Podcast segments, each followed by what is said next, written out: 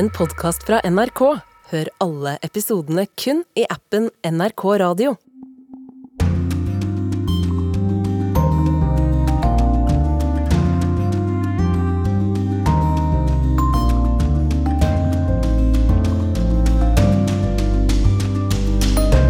Velkommen til Urix på lørdag. Narkoterrorisme kaller han. Gjenger som tidligere slåss mot hverandre, angriper dommere, etterforskere, journalister og altså ministre. Vi har intervjuet den belgiske justisministeren. Han lever i skjul, for i dag skal det bl.a. handle om organisert kriminalitet i Europa. Hva skjer? Hva kan gjøres? Hva er konsekvensene? Følg med, så kommer det kanskje noen svar. Du får også møte Ali Ahmed fra Vinje, som bygger flyplass i Somalia. Ja, Samme som E134. Fra Oslo til eh, ja, Haukeli. Jeg er Halvard Sandberg. Etter 30 år på rømmen ble Italias mest ettersøkte mann arrestert denne uken. Mafiabossen Matteo Messina Denaro er dømt til livstid bak lås og slå for flere drap og delaktighet i massakrer og bombeangrep. Reaksjonene på hans arrestasjon kunne ikke vært tydeligere. Bravi. Bravi.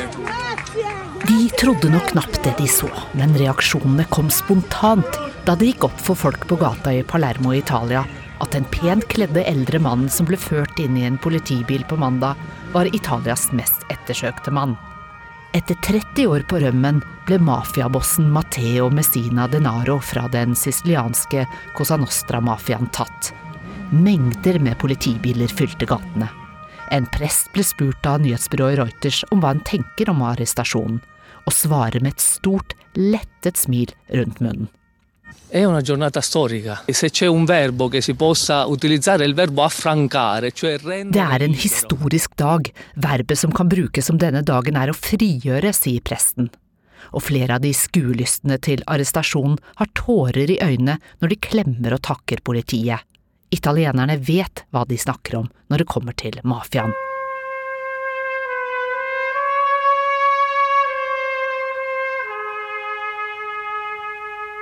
Mens de fleste av oss her i Norge nok har et forhold til mafiaen først og fremst fra film. Mange av oss har sett Francis Ford Coppola sin prisbelønte triologi Gudfaren, der mafiafamilien Corleone prøver å ta kontroll over den amerikanske forretningsverden etter andre verdenskrig. Og når Marlon Brando, som det aldrende overhodet i mafiafamilien, drar tidenes mest kjente filmsitat, I'm gonna make him an offer he can't refuse. Ja, da koser vi oss i den trygge sofaen ved fjernsynsapparatet i Norge og følger gledelig med en spiral av vold og forræderi i mafiafilmene. Mens italienerne selv, de har levd med virkelighetens mafia tett på kroppen i årtier. Hør bare på CV-en til den arresterte mafiabossen. Første drap skal han ha begått som 18-åring, og siden så har det gått slag i slag med drap og delaktighet i massakre og bombeangrep, blant annet attentatene mot to forhørsdommere i mai og juli 1992. Og sammen med et annet mafiamedlem skal han også stått bak bortføringen av den unge sønnen til en politiinformant. Den elleve år gamle gutten ble torturert i nesten 800 dager, før de tok livet av han og oppløste kroppen i syre så familien ikke skulle ha en grav å gå til. Denaro, med kallenavnet Diabolik etter en italiensk tegneseriefigur som er håpløs å fange, er dømt til livstid bak lås og slå flere ganger, men har i 30 år kommet seg unna, helt til nå. Han ble tatt på hjemmebane der mafiaen opererer, på en klinikk der han var til kreftbehandling under falskt navn. Den italienske statsministeren Giorgia Meloni var raskt ute med å feire. È un giorno Nå kan vi fortelle barna våre at vi har slått mafiaen, mener statsministeren.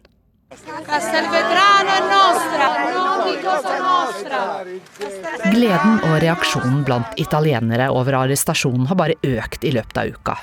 Her i hjembyen til Denaro roper demonstranter ut mot mafiaen. Byen er vår, ikke mafiaens, mens de vifter med hvite ark som skal symbolisere en ny start. De står utenfor huset til Denaros søster, og midt i flokken står Denaros fetter, som leder av demonstrasjonen og med et krystallklart budskap.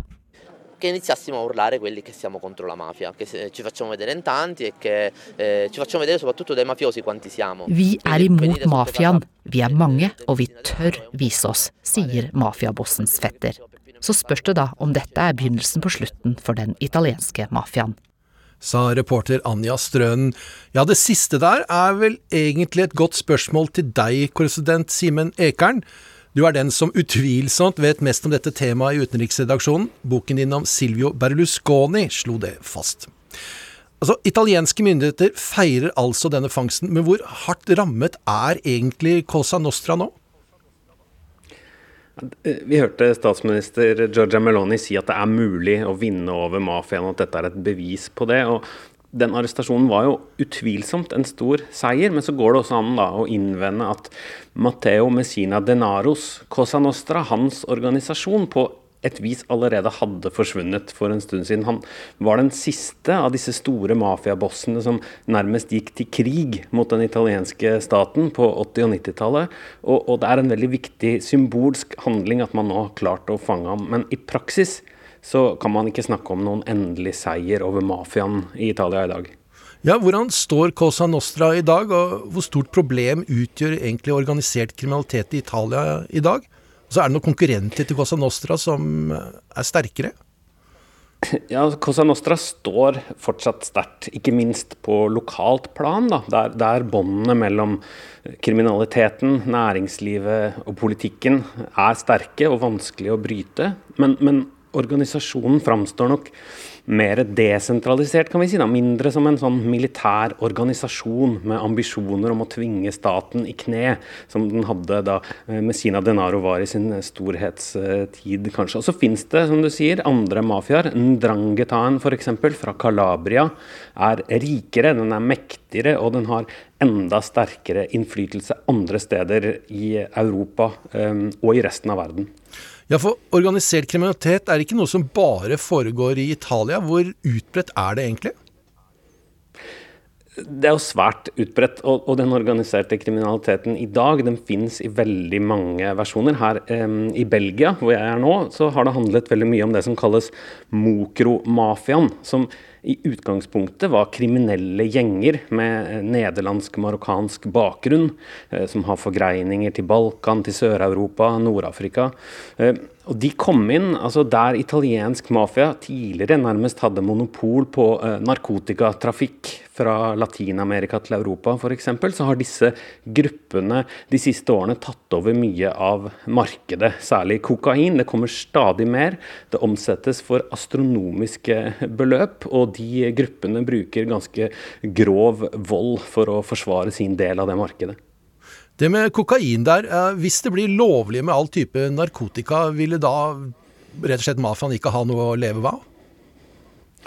Ja, Det kunne man kanskje sagt, selv om eh, det er jo et stort eh, problem eller en stor diskusjon. Er det egentlig mulig eh, å legalisere dette på, på, et fornuftig vis? Jeg snakket nylig med den belgiske justisministeren. Han fortalte at han er skeptisk til om det er mulig. Han feiret da Matteo Messina Denaro ble arrestert i Italia nå. Han trekker noen paralleller og sier at dette er for ham også et bevis for at denne typen organisert kriminalitet kan bekjempes. Men det sier han jo eh, etter å ha levd på hemmelig adresse i flere perioder i år pga.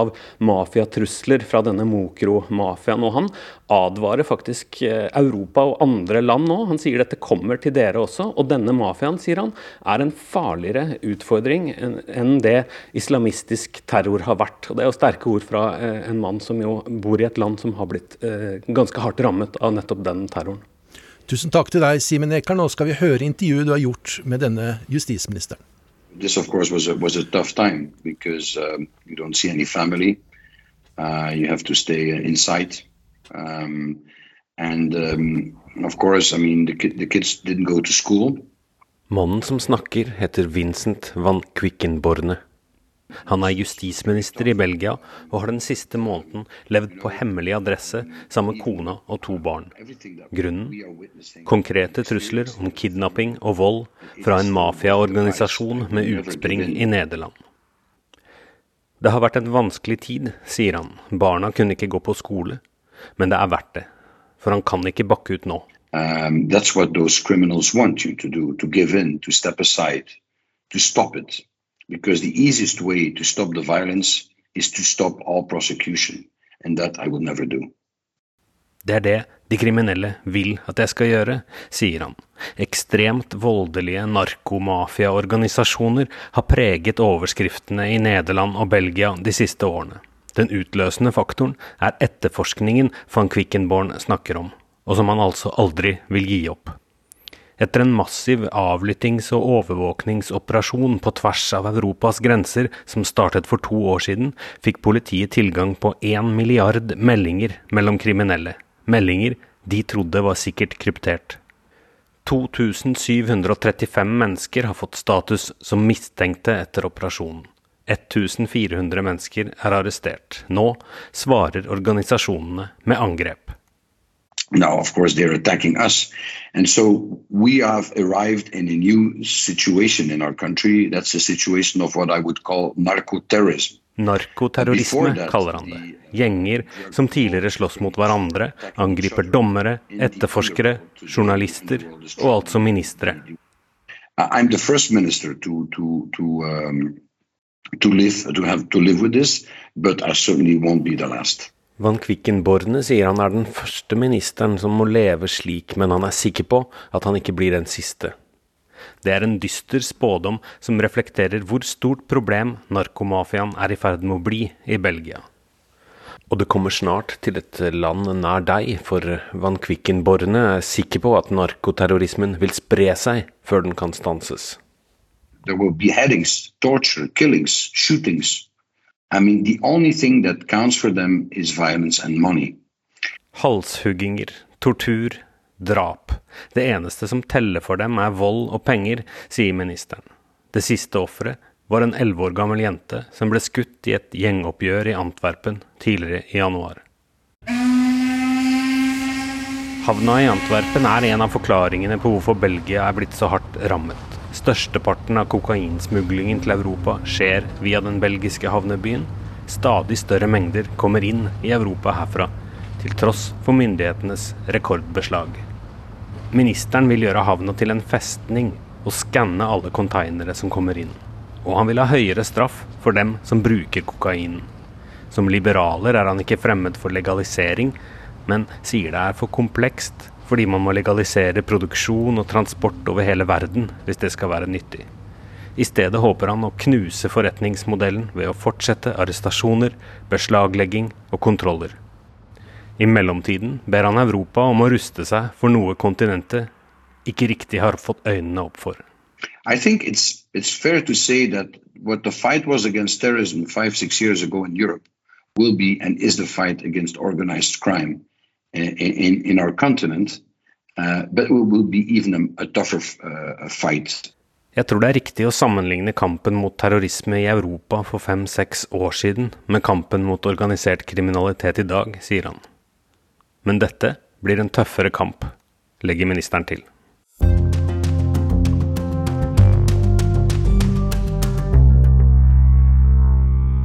Nå bytter vi tema her i Urix på lørdag og drar til Afghanistan.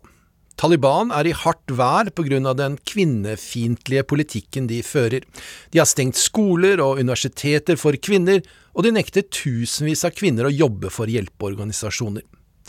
Midtøsten-korrespondent Yama Wollesmal har snakket med flere kvinner som står på bar bakke uten mulighet til å forsørge familiene sine.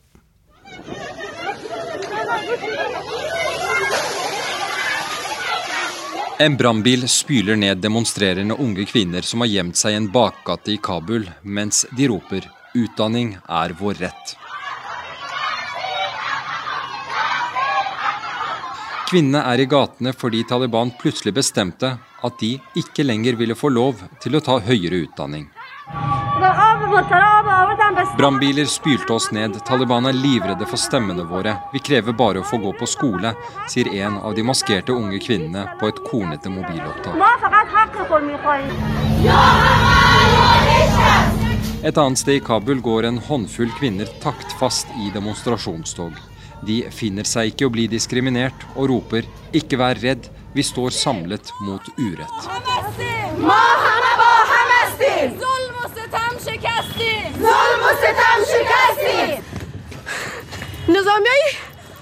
De hadde med seg kvinnelige sikkerhetsvakter som slo oss. Flere av jentene ble anholdt. Vi vet ikke hva som vil skje med dem nå, sier en av demonstrantene. Disse scenene fant sted i Kabul i desember i fjor, kort tid etter at Talibans minister for høyere utdanning, Nida Mohammed Nadim, plutselig stengte universitetene i landet for kvinner med denne begrunnelsen. Hijab ble ikke respektert på universitetene. Kvinner pyntet seg som om de skulle i bryllup. Det var uakseptabelt for oss.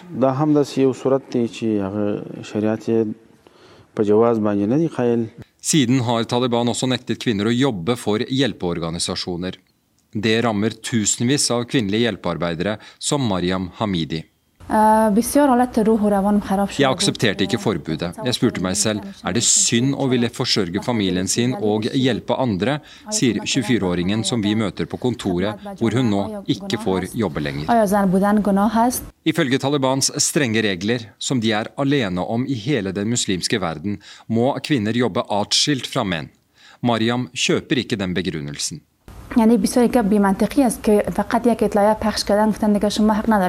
Talibans forbud henger ikke på greip. Det fins hjelpeorganisasjoner som ledes av kvinner, hvor kvinner jobber for å hjelpe andre kvinner i nød.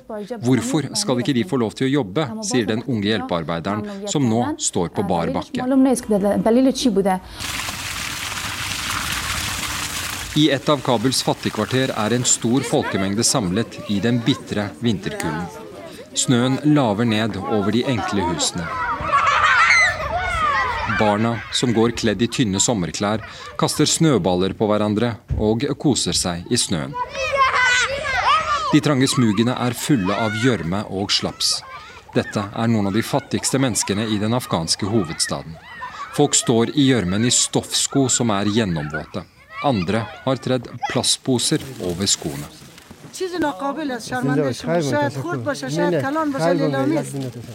Hit har den erfarne hjelpearbeideren Fatima Naimi kommet med dagens hjelp. Plastposer med brukte vinterklær. En kjærkommen gave for folk som står og hutrer i snø. Jeg ser gateselgere skjelve i kulden. Det minste vi kan gjøre, er å dele ut noen brukte klær, sier Fatima.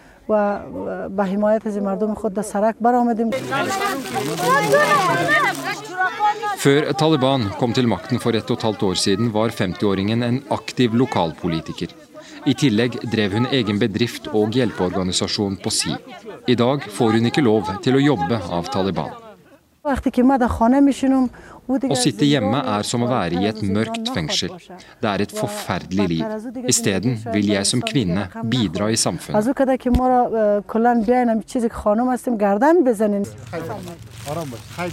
Fatima trosser Talibans jobbforbud. Lidelsene rundt henne er for store til at hun klarer å holde seg hjemme.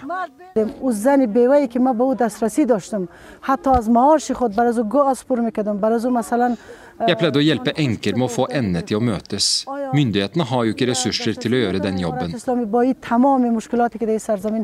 Taliban krever bl.a. at kvinner skal dekke seg fra topp til tå hvis de skal bevege seg ut av husets fire vegger. Krav Fatima er villig til å gå med på, bare hun får lov til å jobbe. اگر به من فاطمه نعیمی میگه که چادر برقه بپاش اما فعالیت کن دسترسی به خواهرای داشته باش با Om jeg så må bruke burka for å gjøre jobben min, så gjør jeg det. Bare la meg hjelpe folket mitt som lider. از, از, از خدمت کردن نگیرن پاس ندارن ما رو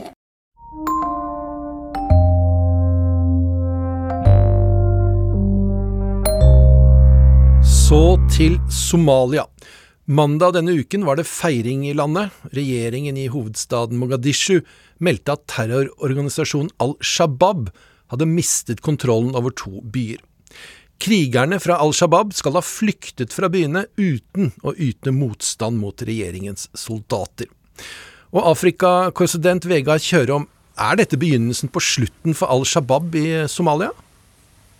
Ja, Om du skal tro den nye regjeringa i Somalia, så er det det. Men å vite noe for sikkert om hva som faktisk skjer på, på slagmarka i Somalia, er veldig vanskelig. Jeg møtte den ganske ferske statsministeren i landet i desember, da han hadde et møte med utviklingsminister Anne Beate Tvinnereim. Og, og han sa da at de håpa at Al Shabaab ville være nedkjempa i løpet av 2023.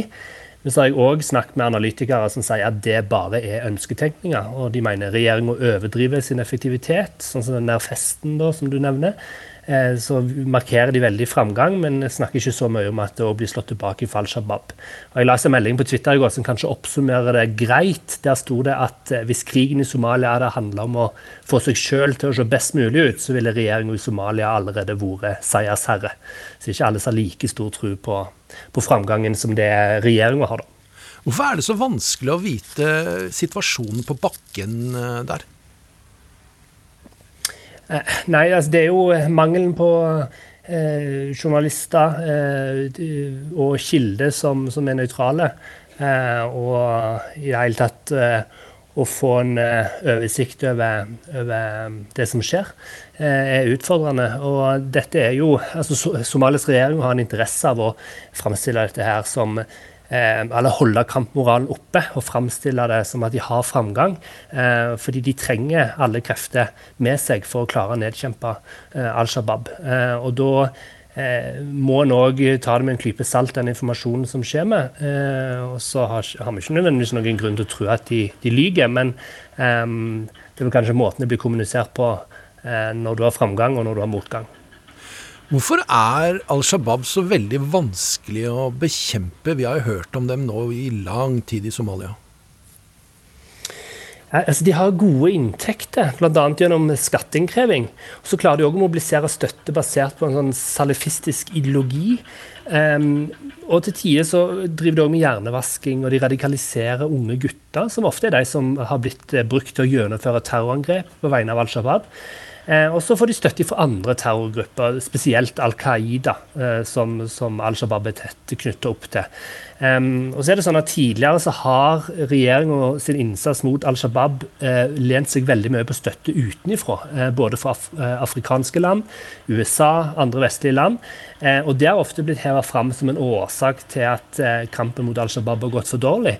At eh, de har ikke tatt utgangspunkt i somaliere når de da har kjempa mot denne gruppa som hører hjemme i Somalia. Og Nå har regjeringa engasjert ulike klanmilitser på bakken og håper at det kanskje kan gi litt mer sånn nedenfra opp-tilnærming i denne krigen, eh, og at det kan eh, føre til mer suksess. Så vellykkede organisasjoner på lignende Al Shabaab de har vanligvis en vesentlig støtte i befolkningen. At de, det er derfor det er vanskelig å slå. Er det slik i Somalia òg? Ja, altså Al Shabaab har en viss støtte, bl.a. for sin ideologi, som mange mener er den rette tolkinga av islam. Veldig bokstavtru eh, tolking av Koranen. Eh, og så er det mange som mener at Al Shabaab er, er mer en motstandsrørsle enn en terrororganisasjon. Eh, og at det er viktig at en støtter de som står opp mot regjeringa, som, som, mange ser på som en slags nikkedukke for, for Vesten og utenlandske krefter. Eh, og dette her er noen faktorer som fører til at en del somaliere eh, støtter Al Shabaab. Eh, men så er det òg mange som nok er ganske tvungne til å støtte Al Shabaab. I de områdene hvor denne gruppa har kontroll, så har du ja, fire alternativer. Du kan, du kan, flykte, du kan krige, du kan dø, eller så kan du akseptere at Al Shabaab er de som styrer. Og Det er det jo flere som da eh, stilltiende har måttet akseptere, fordi alternativene er få når Al Shabaab først har tatt kontrollen der du bor. Kan du veldig kort der eh, si om det går bedre i Somalia, eller går det dårligere? Altså, Det går bedre enn det gjorde for ti år siden. Da var jo Al-Shabaab, eh, da styrte de Mogadishu, hovedstaden. Eh, men det er stadig utfordringer. I det siste har det òg vært tendenser til konflikt lenger nord i landet, langt under Al Shabaab. Eh, da mellom Somaliland og Puntland, som er to selvstyrte områder. Og Den kanskje største utfordringen for Somalia nå er den humanitære situasjonen. Fire regnperioder har uteblitt folk har ikke mat.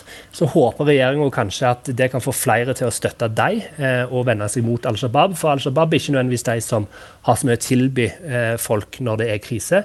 Men det ønsker regjeringa å vise at de eh, kanskje har mer å tilby. da. Takk for den rapporten, Vegard Kjørom. Vi skal høre mer fra deg, for vi skal holde oss i Somalia og skal til en flystripe vest i landet. Der møtte vår mann Vegard Kjørom en mann i allværsbukse med telemarksdialekt. For Ali Ahmed fra Vinje er nemlig ikke helt som andre norsk-somaliere. Han pendler mellom familien i Vinje og jobben i Somalia, der han driver et selskap som bygger sårt trengte veier og flystriper. Det, det kaller vi taxiway. Så flybanen er jo der, så er det taxiway. Ali Ahmed peker rundt seg der han står. Han forklarer hvordan han har bygd ei flystripe i byen Beidoa, der det flere ganger i veka kommer inn fly som er spesielt viktige for å få gjort all nødhjelpen og bistandsarbeidet som skjer i dette området. Og hvis du ser jo, er jo den fineste og beste asfalt. Ja, asfalten er like god som hjemme i Vest-Telemark, hevder Ali. Det er samme som E134. Fra Oslo til ja, Haukeli. Flystripa er bare ett av flere prosjekt Ali Ahmed har på gang. Han er prosjektleder for bygging av infrastruktur og bygninger. Både i andre deler av Somalia, men også Niger, et land som ligger langt lengre vest i Afrika. Han håper at innsatsen han legger ned skal fortsette å balle på seg med nye oppdrag. Så hvis jeg gjør god jobb her, så til, skal tilføre den, de andre sektorene. Firmaet til Ali har fått navn etter en kommune som er mest kjent for Tarjei Vesaas, Odd Nordstoga og hytter. Eh, Linje Internasjonal. Hvorfor har du kalt det det? Eh, fordi jeg er fra Vinje. Og hva... Så er jo, det, det, er jo at jeg liker veldig godt Vinje. Jeg har fått veldig mye støtte. Så jeg har jo Vinje inne her. Så det er jo det store respekt jeg har på Vinje. Så gjør jeg mitt firma Vinje. Så en liten bit Vest-Telemark i Vest-Somalia? Yes, det er det. Norsk-somalieren er mer optimist enn de fleste. Han synes verken korrupsjonen som finnes i Somalia, eller terrortrusselen fra Al Shabaab er store nok hinder til å drive forretninger i et land som Somalia. Og flystripa som han står på, er bygd i et område som er sterkt prega av fattigdom, tørke, svolt og alt det som følger med. Men Ali ser lyst på det hele. Han sier han har nulltoleranse for korrupsjon, og påstår at Somalia er et lett land å drive forretninger i. Gjerne fordi konkurrentene er få og behovene er store. Eh, jeg, jeg, gjør veldig mye her. Jeg har jo et firma som bygger veier, flyplasser. Så gjør jeg logistikk. Jeg gjør også noe service. Han hadde en jobb i Vinje, og kunne enkelt bodd i fjellbygda i Norge uten å reise ned igjen til heimlandet, der krig og fattigdom de verre er ganske vanlig. Men han ville bidra. Nei, men eh, jeg skjønner jo eh, de folk eh, som bor her i Somalia, så trenger de jo hjelp. Og eh, det er jeg som har lært eh, i Norge, så vil jeg bidra litt mer. Hjemme i Norge møter han andre norsk-somaliere som rister på hovedet når han forteller om prosjekter han har i Somalia. De ringer meg hele tida. De skjønner ikke hvorfor jeg er her. For jeg hadde, jeg hadde veldig godt når jeg var i Vinje, så de skjønner ikke hvorfor jeg, er, ja, hvorfor jeg tar risk. Somaliere er blant de største innvandringsgruppene i Norge, og utgjør rundt 43 000 mennesker.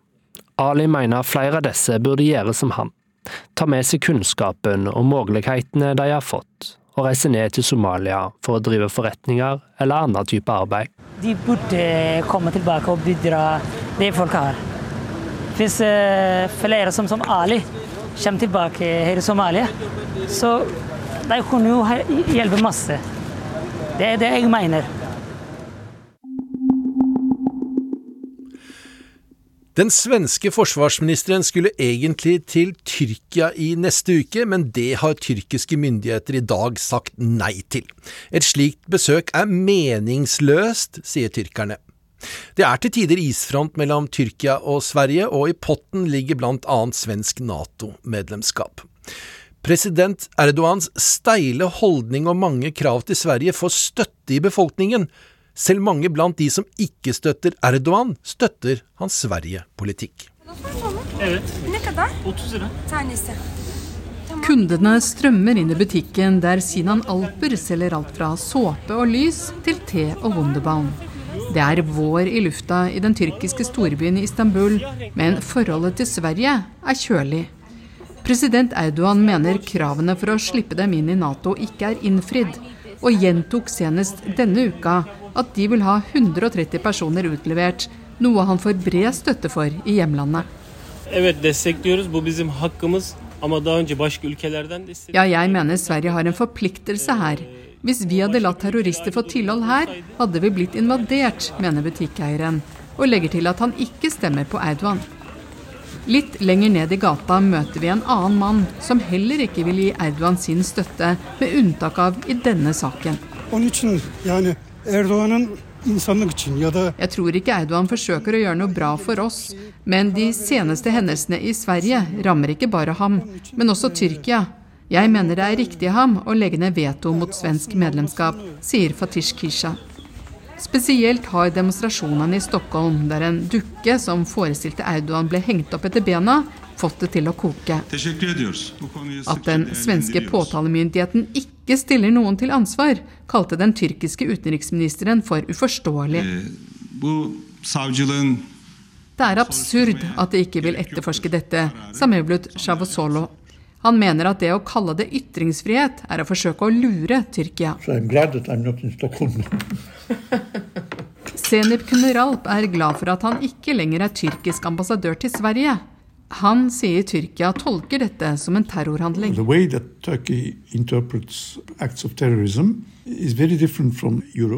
I Europa er terror en voldelig hendelse, men Tyrkia har en videre forståelse av begrepet.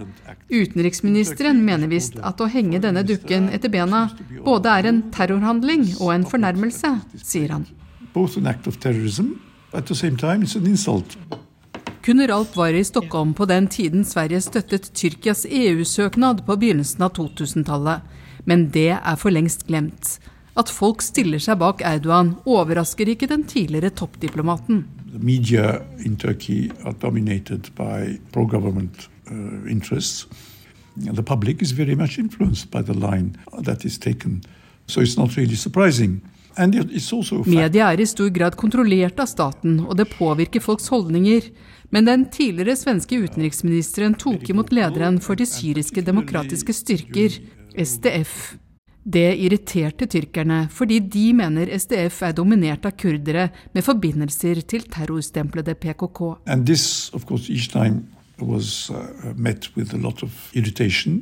So that explains, I think, the, the attitude of the Turkish public towards Sweden. SDF var for øvrig USAs og Vestens allierte i kampen mot IS. Til tross for at Sverige sier de har innfridd kravene de ble enige om under Nato-toppmøtet i fjor sommer, vil Tyrkia ha mer for å slippe dem inn.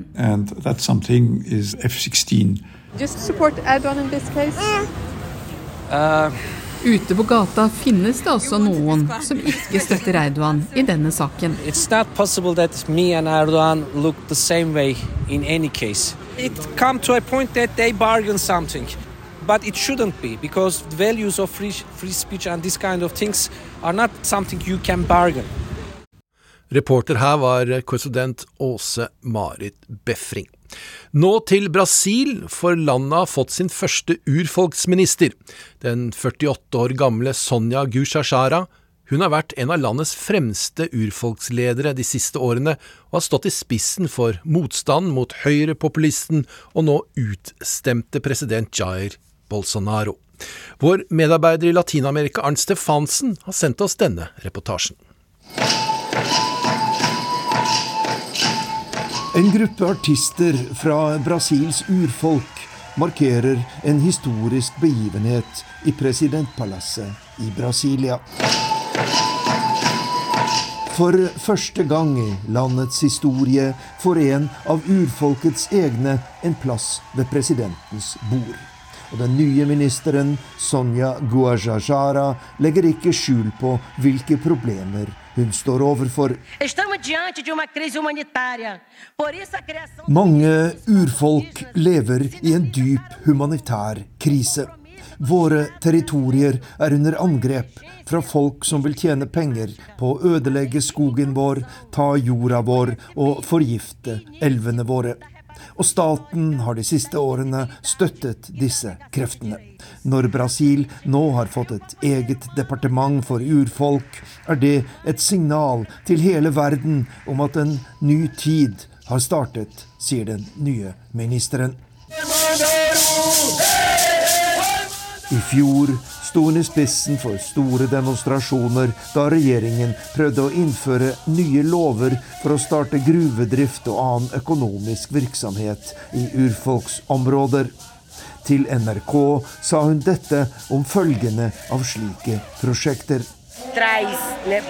Aumento de doenças, aumento de violência, conflitos. Slik virksomhet fører til mer sykdom, mer vold, flere konflikter, mer alkoholisme og mer prostitusjon.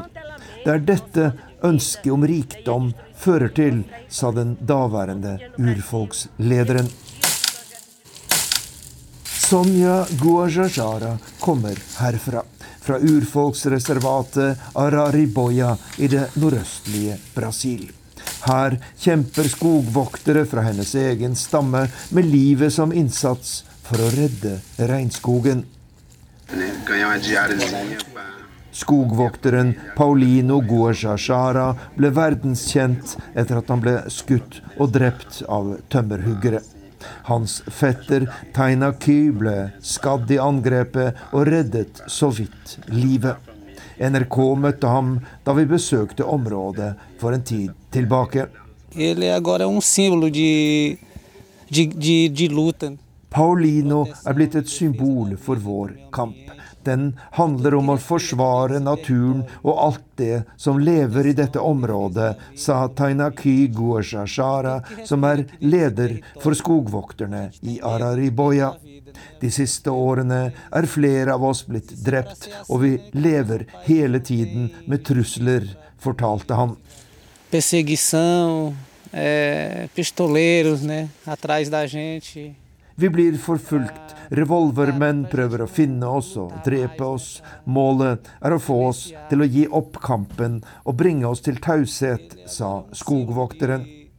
Tainaky Guajajara er en nær slektning av den nye urfolksministeren, og jeg ringer ham for å få en kommentar til utnevnelsen. Estou feliz por a Sônia estar hoje, né, como ministra, né, junto ao governo Lula. Jeg er lykkelig over at Sonja er blitt minister.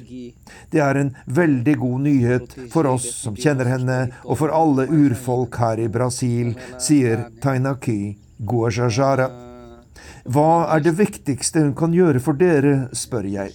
Det viktigste er å få slutt på at hvite tømmerhuggere tar seg inn i reservatet vårt og ødelegger skogen, sier han. Brasils urfolk feirer at de er med og styrer landet 500 år etter at Europas koloniherrer la under seg deres områder. Forventningene er store til landets første urfolksminister.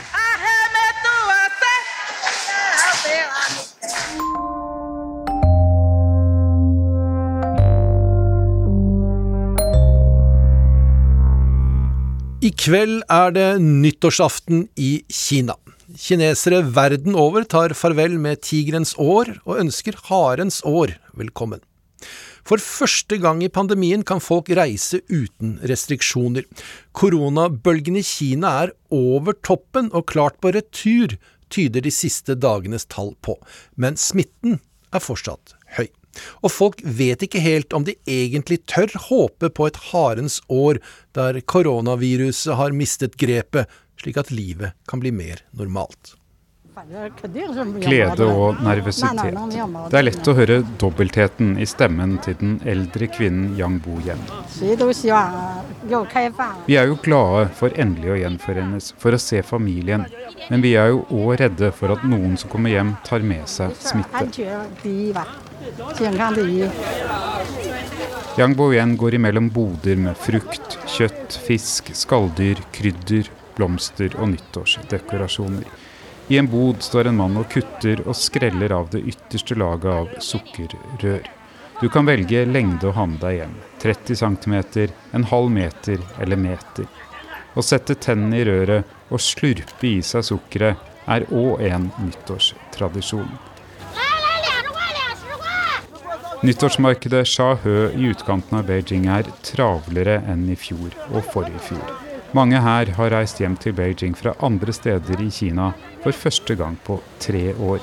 Flere er eldre som gjør innkjøp. De venter barn og barnebarn hjem til nyttårsaften. Kofferter trilles over stengulvet i avgangshallen på Beijing Nord jernbanestasjon.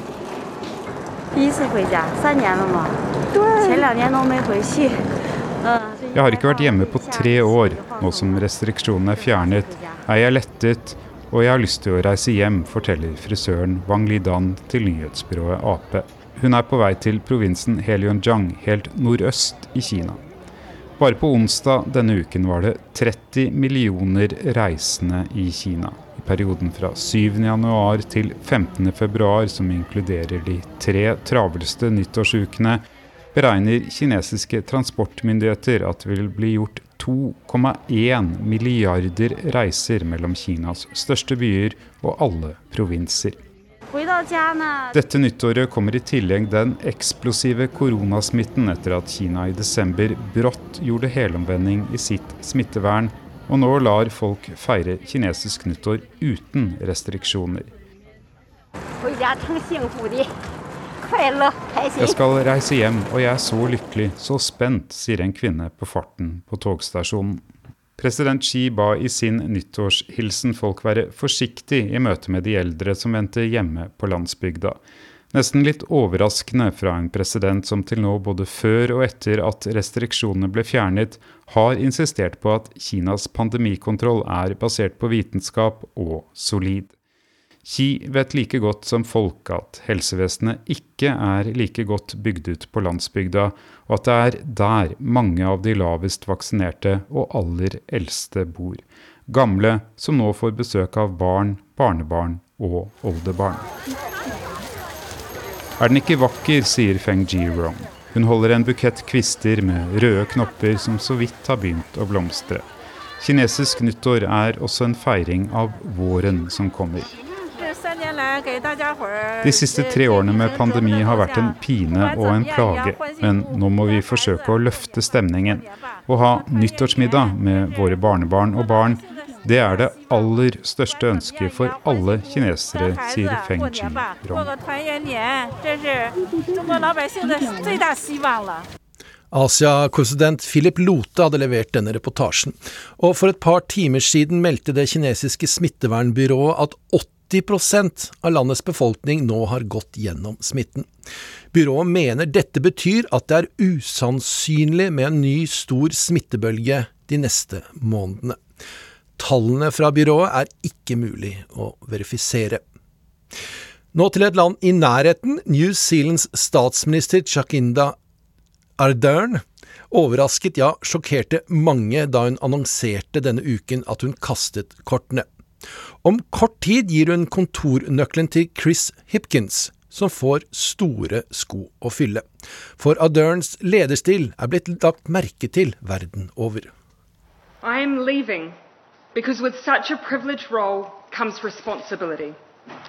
The responsibility to know when you are the right person to lead and also å være leder betyr også å forstå når du ikke er i stand til å gjøre en god jobb, sa statsminister Jacinda Ardern til svært overraskede newzealendere på torsdag. Um, Jeg tror det ikke.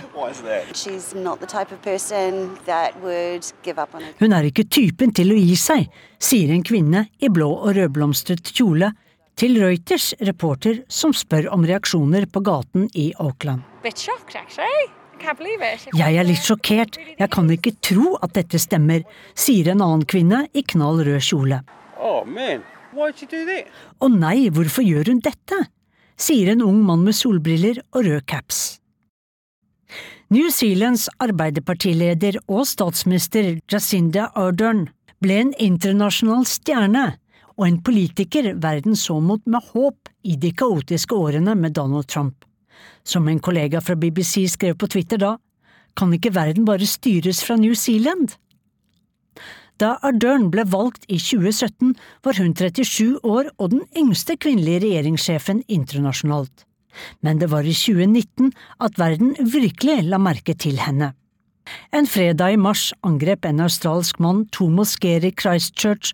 Han skjøt og drepte 51 mennesker, de fleste var muslimer som var kommet for å be. Jacinda Ardern var klinkende klar i sitt budskap etter terroren. Gjerningsmannen søkte flere ting, blant annet å bli kjent. And that is why you will never hear me mention his name. He is a terrorist. He is a criminal. He is an extremist. But he will, when I speak, be nameless. And to others, I implore you speak the names of those who were lost. Derfor vil dere aldri høre meg si navnet hans. Si heller navnene til dem han tok livet av, sa hun i parlamentet, ikledd svarte klær med stramt oppsatt hår. Nye, strenge våpenlover ble raskt innført. Statsministeren kom til moskeen med et sort sjal over det mørke håret, og bildene der hun med lukkede øyne omfavner muslimske kvinner, la armen rundt de etterlatte, gikk verden rundt. Om New Zealands muslimske samfunn sa hun. They have chosen to make New Zealand their home, and it is their home. They are us. De er oss, gjerningsmannen er det ikke. Empati, nærhet og klar tale, det ble hennes varemerke i en urolig og polariserende tid da folk lengtet etter godt lederskap. Statsministeren fra landet med fem millioner innbyggere ble lyttet til overalt, i FN, Davos og også når hun snakket til sine egne på øyene sørvest i Stillehavet. Hennes stil var å sende ut små Facebook-videoer, som denne der hun sitter hjemme i en lysegrønn joggedress. Um, evening, everyone. That I would jump online um, quickly, just check in with everyone, really,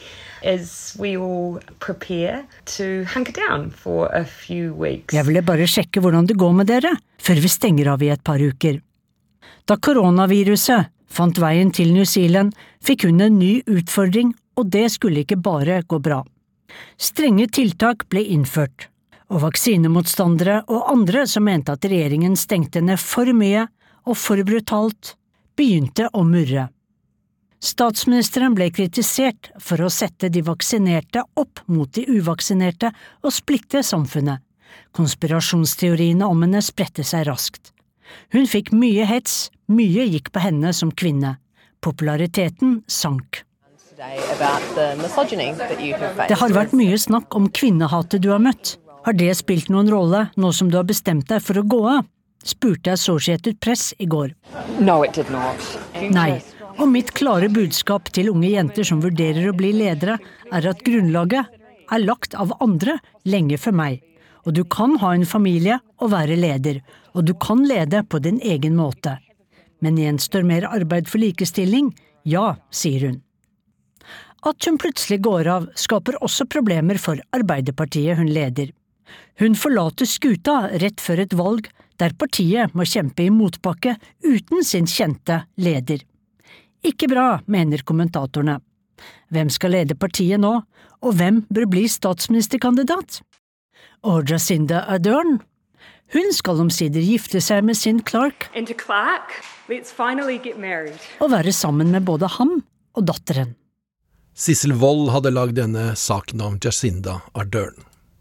Så er vi fremme ved ukens korrespondentbrev. Det er postlagt i Berlin.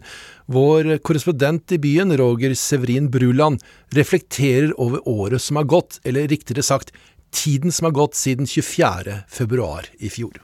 Nå er juletreet kasta ut her i Berlin, og det er tid for å reflektere litt over året som gikk. Jeg tenker på den 24. februar. Russland har gått til angrep på Ukraina. Jeg kaster meg i bilen her i Berlin og kjører østover. På veien skal jeg plukke opp fotografen min ved flyplassen i Warszawa. Men så ringer han. Bestefaren har dødd. Familien ber han om å være hjemme. Med handsfree i bilen ringer jeg rundt til potensielle medhjelpere i Polen. Redninga blei polske Agnieszka, som den gangen arbeidet for polsk radio. Hun fikk egentlig ikke fri fra jobben. Og så er det jo mange i Polen som mener at kvinner ikke skal være krigsreportere. Men Agneska ble med, hun, og resten er historie. Hun brukte opp alle ferie- og sykedagene sine på å være med meg til Ukraina. Hun donerte til og med blod, for da fikk hun en ekstra fridag. Når hun omsider gikk tom for fridager, sa opp jobben. En annen fast medhjelper i 2022 var fotografen Andras Haidu fra Ungarn. Jeg tenker ofte på at det er litt rart dette, at de to jeg har jobba mest med i Ukraina, er fra EUs to mest uglesedde land, Ungarn og Polen. Begge har fortalt meg at det er krevende å være journalist i disse landene.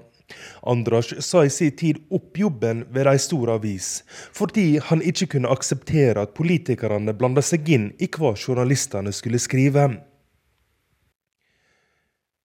Agneska har fortalt meg ei lignende historie. Om hvordan hun ikke kunne lage en reportasje om et tre som jernbanen ville sage ned. Mange hadde møtt opp for å protestere mot nedsaginga, men sak kunne hun ikke lage. For jernbanen var staten, og staten kunne ikke en journalist fra polsk kringkasting kritisere. Nå har begge gjort en fantastisk jobb for NRK. Agnieszka har brukt nettverket sitt i speiderrørsla for å finne kjelder og kontakter. Hun er utdanna brannkvinne og er ekspert i førstehjelp. Hun reiser rundt med en diger ryggsekk der en har det meste en trenger om det verste skulle skje, inkludert sprøyter med adrenalin og morfin. Hun kan også snakke ukrainsk. Det har seg nemlig slik at bestemora hennes kom til Polen etter andre verdenskrigen. Det var da Tyskland måtte gi fra seg store landområder, som Josef Stalin gjorde om til Polen, og fylte opp med ukrainere. Andras på si side har tatt noen ikoniske bilder som vil bli huska i mange år. Én ting er å sette seg inn i tekniske detaljer på militære våpen og formidle om skyting, kuler og krutt. Men krig er like mye psykologi. Russland har prøvd å skape massefrykt ved å skyte raketter inn i ukrainske byer. Frykt og mørke tanker er vanskelig å formidle i en kort nyhetsreportasje. Derfor var det forløsende å se at mange reagerte på situasjoner som Andras fanga opp da vi besøkte Kherson i november. Byen var frigjord, og president Zelenskyj kom på overraskende besøk for å feire en stor siger. Andras klarte å fange øynene til en gutt i en folkemengde. Han var fri, men klarte ikke juble. Han klarte ikke å få seg til å tro at det var sant. I øynene til gutten ser vi bare et uendelig mørkere. En kunstner fra Kharkiv sender meg et bilde der hun framhever smerten som er å finne i øynene til gutten. Dette er noe vi alle kjenner oss igjen i, fortalte kunstneren meg. Tilbake i Berlin har jeg fått mange spørsmål om hvordan livet er i Ukraina. Det er vanskelig å forklare. Da er det godt å kunne vise disse bildene. Og det fotografiet som har gått mest inn på meg, var det av den kreftsyke Anastasia som vi møtte i vår. Kjæresten som var soldat, hadde tatt henne med fra krigshandlingene øst i landet til en klinikk i Lviv.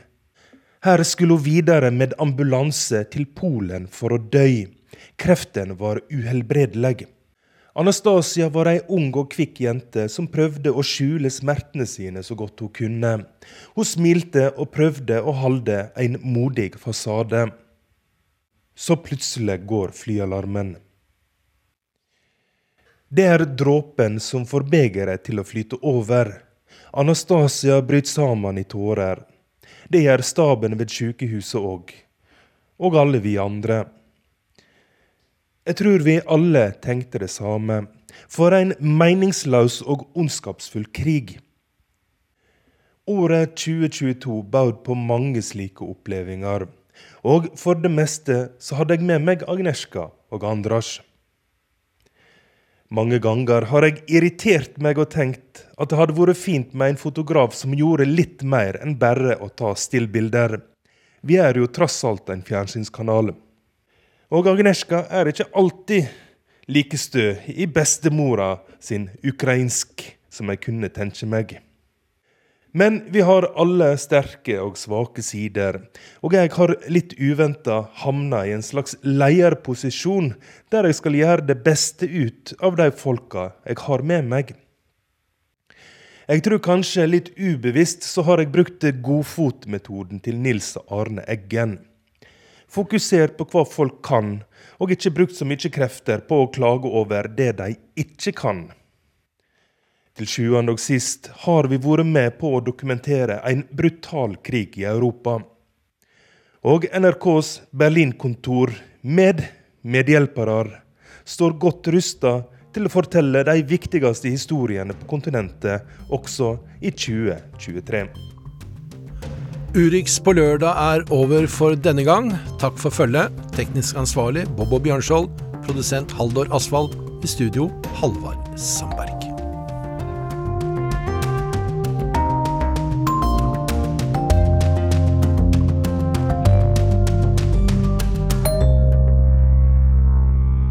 Du har hørt en podkast fra NRK.